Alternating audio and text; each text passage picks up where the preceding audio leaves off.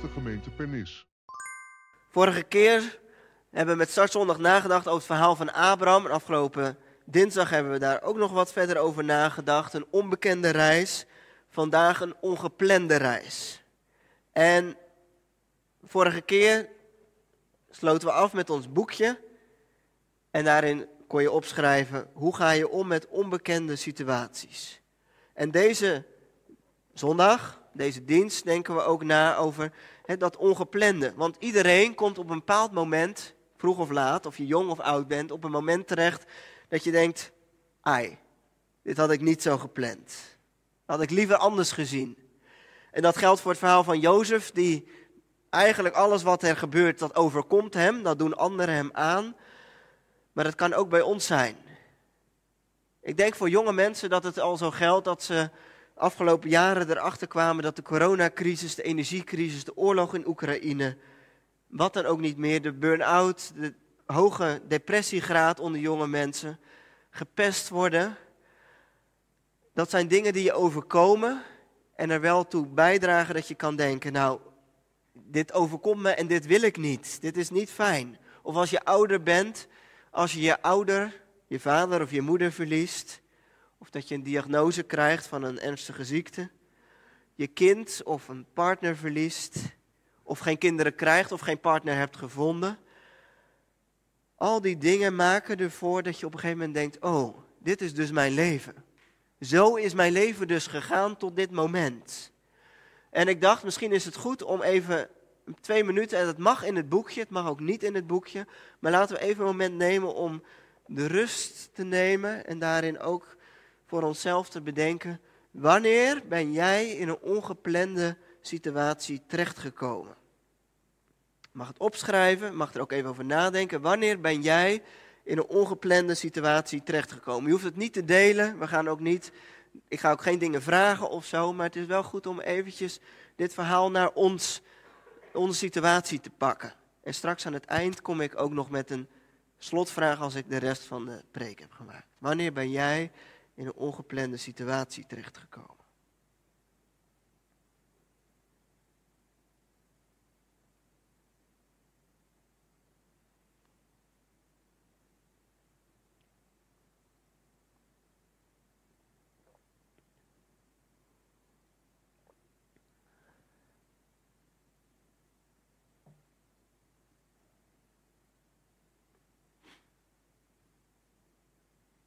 Ik denk dat iedereen situaties nu in zijn hoofd heeft. Kan me haast niet missen. Ik ben opgegroeid in de jaren negentig. En in de jaren negentig waren de jaren waarin je hoorde, en ik heb het vaak gehoord, je kunt worden wat je wil. Eigenlijk een beetje de Amerikaanse droom. Als je maar hard werkt, goed studeert, dan kom je er wel. Dan kun je van krantenjongen tot bank, van bankier, je kunt alles worden als je maar goed je best doet. En eigenlijk ben ik er wel achter gekomen, en ik ben niet eens zo oud, maar ik denk dat, dat we er allemaal wel achter zijn gekomen dat het niet werkt. Ik geloof niet meer in die ongeplande of in die plande reis dat je alles maar zelf kan bepalen. Ik wil een voorbeeld noemen, iets wat ik in mijn boekje zou opschrijven. Ik heb nu niet, ik had geen pen bij me, maar ik dacht aan het moment dat ik tiener was. Wanneer kwam ik in een ongeplande reis terecht is dat toen ik erachter kwam dat niet alles te plannen was. Ik werd depressief. Ik moest medicatie slikken. Ik kwam erachter dat, zoals Winston Churchill dat ooit noemde, hij was ook heel depressief, dat er een groot beest op mijn schouders rustte die me naar beneden drukte. Ik vroeg me af, heeft het leven nog zin en wil ik nog wel verder? Met andere woorden, ik zat in een put. Zie daar het verhaal van Jozef. En ik vroeg me in, dat, in die situatie af, heeft het leven wel zin? Kan ik nu, als ik me zo somber en negatief voel, wel iets van het leven maken? En kan ik hier dan zelf uitstappen of is daar iets anders voor nodig? En de vraag van Jozef is volgens mij, en ook die van jou en van ons vanmorgen, in welke ongeplande reis je ook zit, het gaat erom hoe je dat een plek geeft in je leven van het hier en nu. Die depressie ging voorbij. Ik had daar tijd voor nodig en ik wil daar straks nog wel wat meer over delen. Maar het was vooral de vraag bij mezelf: ga ik, er, ga ik het ontkennen? Ga ik zeggen dat het er niet is? Ga ik er tegen vechten? Ga ik de weg aan om er zelf uit te komen of is er ook nog iets anders nodig? En ik merkte dat mijn gezin, waar ik opgroeide, net als dat dat vaak zo is in welke reis je ook vaak terechtkomt in je leven, mijn beeld van God, de kerk waar ik opgroeide, waarin een angstig beeld van God was, de pijn die ik opliep in mijn leven, ertoe leidde dat ik, dat ik niet verder kon. En dat ik moest leren dat mijn manier van reageren op het leven invloed heeft op hoe ik naar het leven kijk. Ik denk dat dat is vanmorgen wat ik wil zeggen.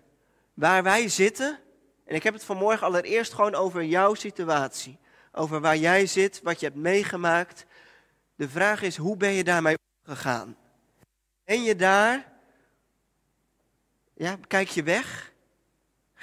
kijk je het in de ogen? Of ontken je het? Of leef je nog steeds vanuit de boosheid dat het er eigenlijk niet mag zijn? En heb je geen rust gevonden in dat wat je is overkomen of waar je nu misschien middenin zit? Het verhaal van vandaag is dus dat. Rust vinden in dat wat je is overkomen of waar je nu vandaag de dag in zit. En het verhaal van Jozef leert mij allereerst dat eigenlijk alles in het verhaal wat we hebben gelezen is dat hem iets overkomt. Het gebeurt hem. Hij wordt door zijn vader op reis gestuurd.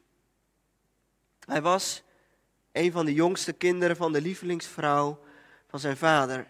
Benjamin was misschien wel, misschien nog net niet geboren, tiener van 17 jaar, wordt, ontmoet zijn broers, wordt in de put gegooid, gaat naar Egypte, komt bij Potifar terecht, komt in de gevangenis.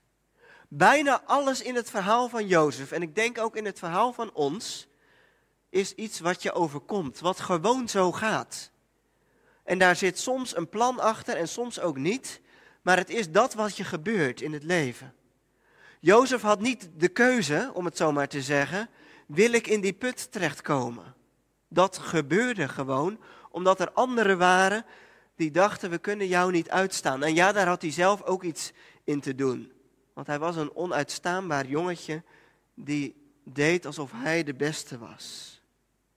Maar die put waar je in zit, daar kun je in blijven zitten.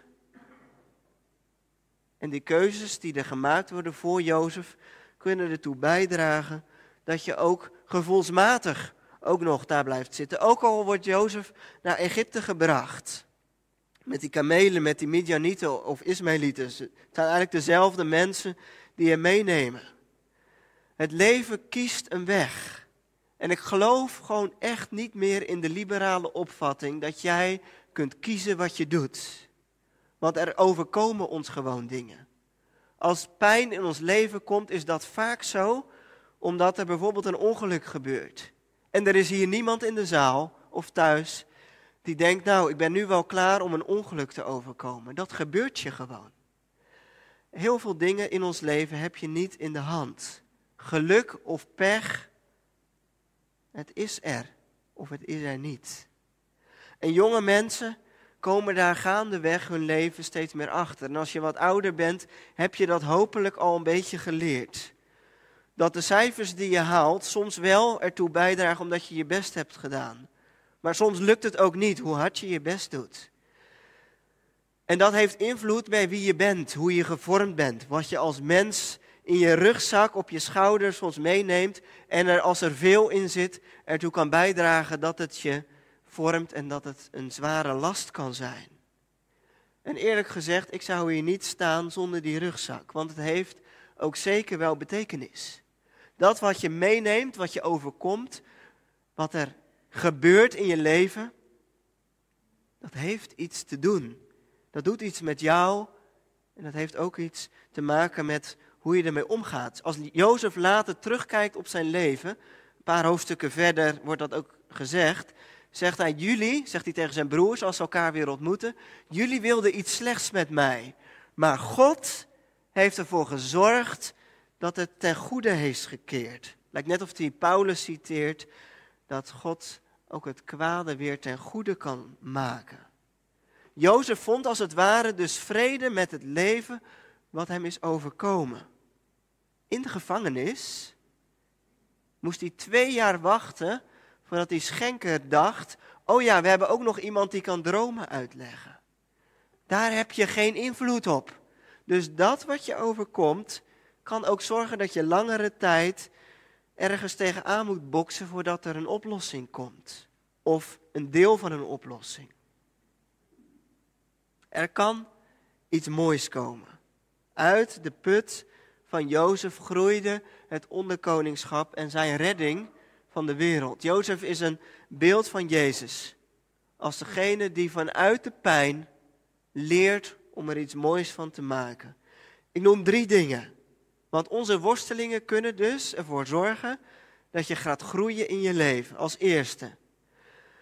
Ontdek in de pijn en het verdriet en de dingen die je overkomen. En dan heb ik het vooral over sommige lastige dingen die je overkomt. Of daar ook iets van betekenis in zit. En dat zie je vaak niet als je erin zit, maar wel later. Ontdek waar zit iets van, ja, misschien had het toch wel een bepaald doel. En daarmee zeg ik niet dat God de pijn en het ongeluk op je pad stuurt.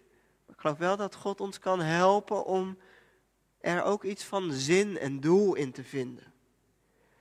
Tweede, iets wat pijn en verdriet heeft gedaan met ons, is ook goed om daar tijd voor te nemen om daarover te rouwen.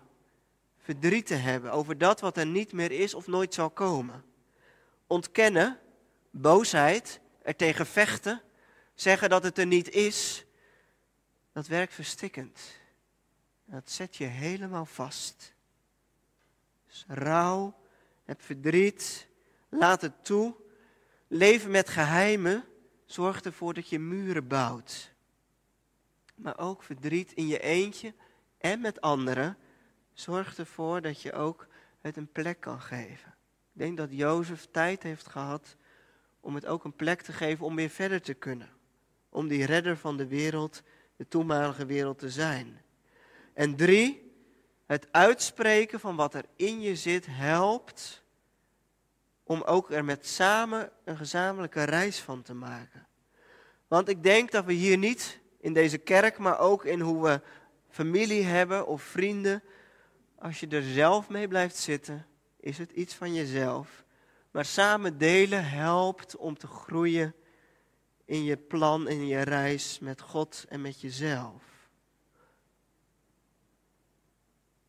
Betekenis, rouwen en uitspreken. Die drie dingen zijn wel belangrijk om onderweg te zijn in die ongeplande reis. Ik sluit af met een kort stukje nog over waar wij zitten als gemeente. Want we hebben niet voor niets het jaarthema bestemming onbekend. Voor sommige mensen voelt deze reis misschien ook een beetje ongepland. Heel lang voelde ik aan dat mensen zeiden: laten we het alsjeblieft maar niet hebben over de toekomst van de gemeente, want dan is het er ook niet. En dinsdag hebben we dat wel gedaan. En dat was een reis en dat was ook veel en lang. En voor sommige mensen ook verwarrend en vragen oproepend. En eigenlijk zeiden we met elkaar: het is niet reëel om te zeggen dat we nu als gezamenlijke kerk opeens iets heel nieuws gaan doen. Want we merken dat we dan ook weer mensen verliezen. Misschien is die reis van de realiteit wel dat we ook moeten zeggen dat het één, de traditionele gemeente zoals we nu zijn, voor een deel ook best goed is, maar dat dat ook een beperking heeft. En dat we daarin ook eerlijk moeten zijn dat dat niet de toekomst heeft. En dat we ook hebben gezegd, we gaan uitwerken voor daar verdere gesprek over drie weken om te praten over hoe we dat tweede spoor ernaast kunnen zetten. Misschien, dat weten we niet, maar misschien wil God wel in die ongeplande reis, want niemand wil veranderen. Er is niemand die erop aan zit te wachten om te zeggen van ja, maar we moeten eerlijk zijn en we moeten dingen loslaten. En toch is het wel nodig. Want het vasthouden aan dat wat er is, brengt geen toekomst. Zo eerlijk waren we ook van de week tegen elkaar. En daar waren we ook met woorden dat dat ook wel iets van pijn en vragen geeft. Dus deze reis van Jozef past ook, denk ik, bij de tijd waar wij zitten als kerk. Waarin we samen zoeken en ook bereid zijn om te zeggen, ik laat iets los van mezelf en van wat mij veiligheid geeft. Of we zoeken naar een vorm die kleiner wordt en iets nieuws kan ontstaan.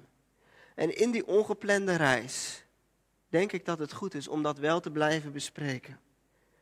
En misschien dacht je wel van ja, nu gaan ze bidden, want dan is het vast erg. Nee, we gaan bidden omdat het tijd is om te bidden. Omdat er belangrijk is om samen de Heer te zoeken. En dan gaan we ook straks bij de voorbeden doen, tijd nemen voor stilte en gebed. We kunnen kiezen om te veranderen. En ergens ben ik daar misschien wel wat liberaal in, want ik denk wel dat jij in staat bent om te kiezen om te veranderen. Niet de situatie, maar wel je blik naar hoe het gaat. Om ruimte te maken voor God en voor jezelf. Het verhaal van Jozef is te toevallig. Er gebeuren te veel dingen. Je bent dus niet wat je overkomt. Neem dat mee. Dat wat je gebeurt is niet hetgeen wie je bent. Het bepaalt wel een deel van waar je naartoe gaat. Maar God is daar om dat ook een wending te geven. Dus ik sluit af met de tweede vraag. En daar mag je deze week over nadenken. Hoe vind ik rust in situaties die anders liepen dan gepland?